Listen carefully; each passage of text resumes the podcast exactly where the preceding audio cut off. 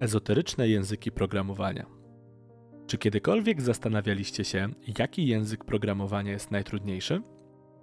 Jeśli myślicie, że to Assembler, Java, C lub inny ABAP, to niestety nie mieliście racji. Dziś zabierzemy Was w podróż przez świat programowania, eksplorując coś znacznie bardziej abstrakcyjnego. Zanim to jednak zrobimy, cofnijmy się do początków. Pierwsze pytania, które musimy sobie zadać, to czym właściwie jest kod i jak nauczyliśmy się go tworzyć. Według definicji, program to zbiór instrukcji niezbędnych do wykonania określonego zadania. W uproszczeniu możemy powiedzieć, że jest to sposób przekazywania maszynie algorytmu w formie, którą jest w stanie zrozumieć. Pierwsze programy. Jeśli spojrzymy na definicję programowania opartą na założeniu o przechowywaniu zbioru instrukcji, możemy wskazać, że jednymi z pierwszych przykładów były takie instrumenty jak pianola. Może być Wam ono znane z filmów westernowych, gdzie często pojawiało się w niemal każdym barze. Pianola to właśnie ten samogrający fortepian. Inny przykład to klarnetofon, czyli automatyczny klarnet. Oba te instrumenty działały na zasadzie wykonywania instrukcji dostarczanych przez sekwencję perforacji. Przypadku pianoli te instrukcje były zapisane na specjalnych rolkach, natomiast w przypadku klarnetofonu na cylindrach. Dzięki tym perforacjom te urządzenia mogły wykonywać muzykę bez potrzeby obecności muzyka lub instrumentalisty, co stanowiło wczesny przykład automatyzacji w muzyce. Ale jak to działało? Zasada działania instrukcji perforowanych była niezwykle prosta. Każdy otwór na nośniku odpowiadał konkretnym dźwiękom lub nutom. Sam odczyt danych był równie klarowny. Mechanizm automatyczny przesuwał się wzdłuż nośnika, a kiedy napotkał otwór, przesuwał się przez niego, generując sygnał informujący o konieczności wykonywania konkretnej akcji. Na przykład naciśnięcie określonego klawisza lub wykonania innej operacji. Igła, która pełniła rolę czytającego elementu, przemieszczała się równocześnie wzdłuż nośnika. Ten mechanizm nie był jedynie wykorzystywany do automatycznego wykonywania melodii na instrumentach muzycznych, ale również jako forma przechowywania pierwszych programów na kartach perforowanych. Warto jednak podkreślić, że karty te zaczęto stosować już w XVIII wieku i znalazły zastosowanie w analizie różnicowej Charlesa Babbage'a oraz w pracy z wczesnymi maszynami obliczeniowymi. Natomiast w muzyce cylindry perforowane zaczęto wykorzystywać w pierwszej połowie XIX wieku, a role perforowane pojawiły się dopiero w drugiej połowie tego stulecia.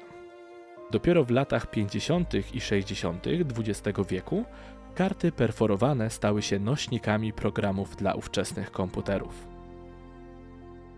Za pośrednictwem tych mechanizmów i nośników możliwe było przekazywanie zarówno informacji muzycznych, jak i instrukcji programów, co stanowiło znaczący krok w rozwoju automatyzacji w różnych dziedzinach. Programy zapisane na kartach perforowanych działały podobnie jak wspomniane wcześniej autograje. Z tą różnicą, że te karty zawierały instrukcje przeznaczone dla komputera.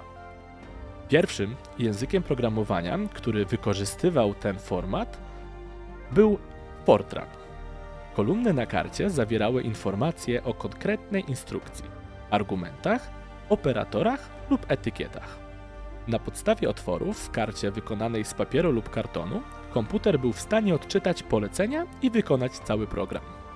Jednakże obecnie te kodowane na kartach programy moglibyśmy zakwalifikować jako skrypty lub protoprogramy ze względu na ich prostotę i ograniczone możliwości w porównaniu z dzisiejszymi zaawansowanymi językami programowania. Poza kartami wyścigu informatycznego postępu brały też udział komputery lampowe. Lampy próżniowe były logicznymi rodzicami tranzystorów, które znamy dziś. Programowanie ich opierało się na ustawieniu ich sekwencji oraz doboru odpowiednich drutów i innych elementów elektronicznych, by osiągnąć oczekiwane efekty. Następnie nadeszła era, w której rozpoczęto tworzenie bardziej zaawansowanych języków programowania i narzędzi, które otworzyły drzwi do tworzenia własnych programów na platformach takich jak Amiga czy Commodore. Wspomniane wcześniej karty perforowane i maszyny muzyczne były zapowiedzią programowalności, ale to języki assemblerowe i pierwsze próby tworzenia własnych języków programowania stanowiły istotny przełom. Wraz z powstaniem assemblera programiści mieli możliwość programowania na znacznie bardziej zaawansowanych komputerach.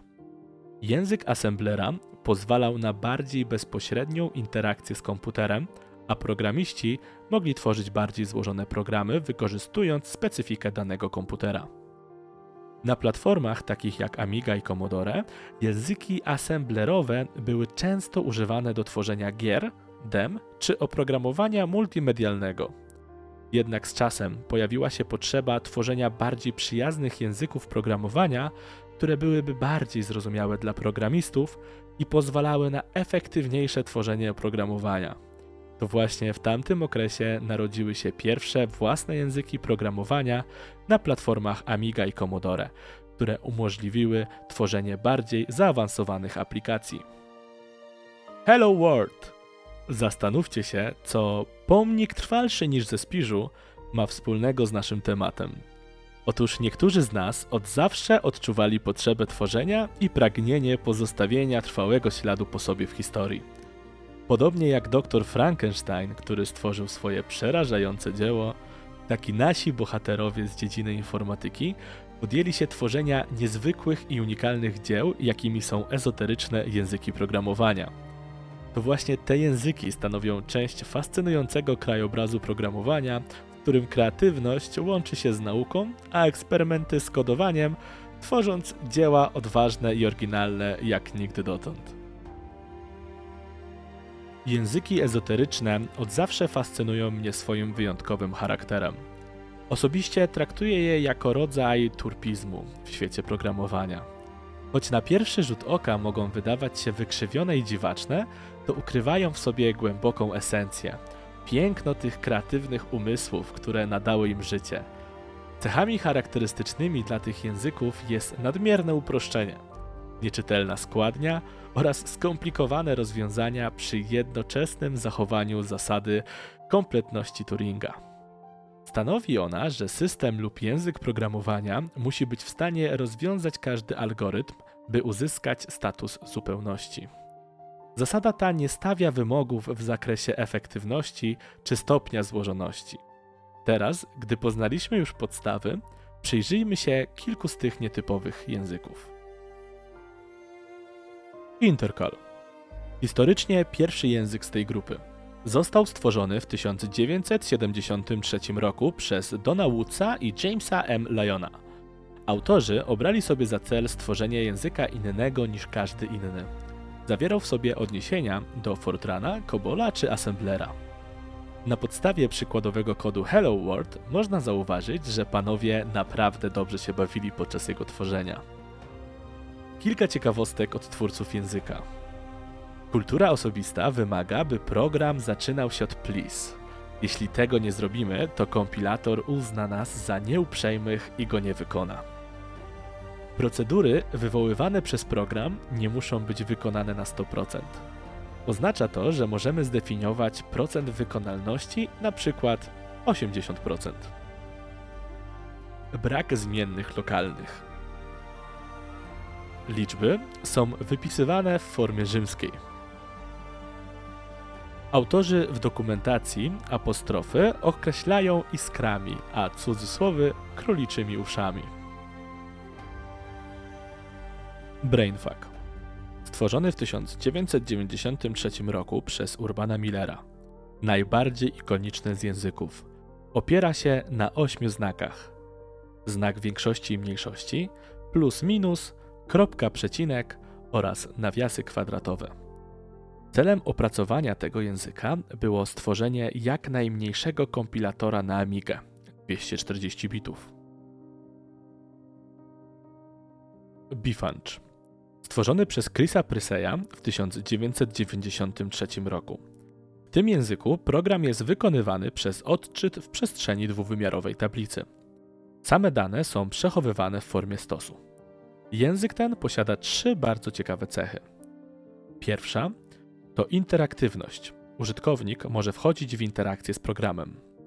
Druga to brak możliwości deklarowania stałych, zmiennych i podprogramów. Trzecią jest samomodyfikacja programu. Język ten posiada pewne warianty. Unifunch operuje na jednym wymiarze, Trefunch operuje na tabelach trójwymiarowych oraz fungoidami posiada możliwość programowania wielowątkowego. LOLcode Tworzony przez Adama Lidzeja w 2007 roku, język jest nadal w fazie budowy i jeszcze nie ma dokładnej semantyki i składni, ale zdecydowanie jest jednym z najbardziej uroczych z wymienionych w tym artykule. Język jest napisany w bardzo uproszczonej wersji języka angielskiego. Według autora jest on na tyle intuicyjny, że nawet osoba bez doświadczenia może go zrozumieć. Charakterystycznymi cechami tego języka są konieczność przywitania się z kompilatorem słowem kluczowym hi. Jeśli potrzebujemy działać na pliku, musimy o niego poprosić instrukcją can has. Na końcu musimy podziękować kompilatorowi za pracę instrukcją kthxbye, czyli OK, thanks, bye. Malbolge. Inspirowany boską komedią Dantego, język stworzony przez Bena Almstea w 1998 roku. Język ma renomę tak ciężkiego, że kod do jego kompilacji jest owocem zastosowania algorytmu genetycznego. Wynika to z tego, że przechodzi on liczne przekształcenia arytmetyczne na kodach ASCII. Przy czym pozycja znaku też ma znaczenie. Możemy się pokusić o stwierdzenie, że język ten jest idealny dla fanów kryptografii. Whitespace. Jeden z ciekawszych, ale jeszcze nie najciekawszy język w tym zestawieniu ujrzał światło dzienne 1 kwietnia 2003 roku, a jego rodzicami są Edwin Brady i Chris Morris. Język ten opiera się na wykorzystaniu spacji, tabulatorów i nowej linii. Natomiast sam tekst uznawany jest przez kompilator jako komentarz. Szekspir. Stworzony przez Jona Eslunda i Karla Hasselstruma. W mojej opinii jeden z ciekawszych konceptów – jak sama nazwa wskazuje, programowanie opiera się na tworzeniu scenariusza do przedstawienia. Program składa się z następujących elementów. Po pierwsze, tytuł, wymagany przez kompilator, ale traktowany jako komentarz. Po drugie, lista postaci. Imię, opis, zmienne i stosy, gdzie imię jest nazwą zmiennej, a opis pełni rolę komentarza. Autorzy zastrzegli, że nazwa musi należeć do postaci z dramatu szekspirowskiego – w innym przypadku kompilator zwróci błąd. Po trzecie, akty i sceny. Struktura programu pełni rolę scenariusza z podziałem na akt i sceny. Akt definiowany jest z użyciem cyfry rzymskiej, a po dwukropku dodaje się krótki opis sceny. Po czwarte, wejście i zejście ze sceny. Enter, exit i exeunt. Służy do wprowadzania zmiennych do kodu. Po piąte, wartości. I tu zaczyna się piękno tego języka. Aby przywołać wartość, należy korzystać z rzeczowników i przymiotników. Każdy rzeczownik przybiera wartość minus 1 lub 1. By zapisać liczbę 1, możemy określić ją jako flower. Jako, że jest ładny, pozytywny, kompilator zapisze go jako 1. W przypadku minus 1 możemy powiedzieć pig jako że posiada negatywne konotacje, program przyjmie wartość negatywną. Payet, opracowany przez Davida Morgana Mara. Mojej ocenie najciekawszy język ezoteryczny. Jego cechą charakterystyczną jest fakt, że kod jest obrazem.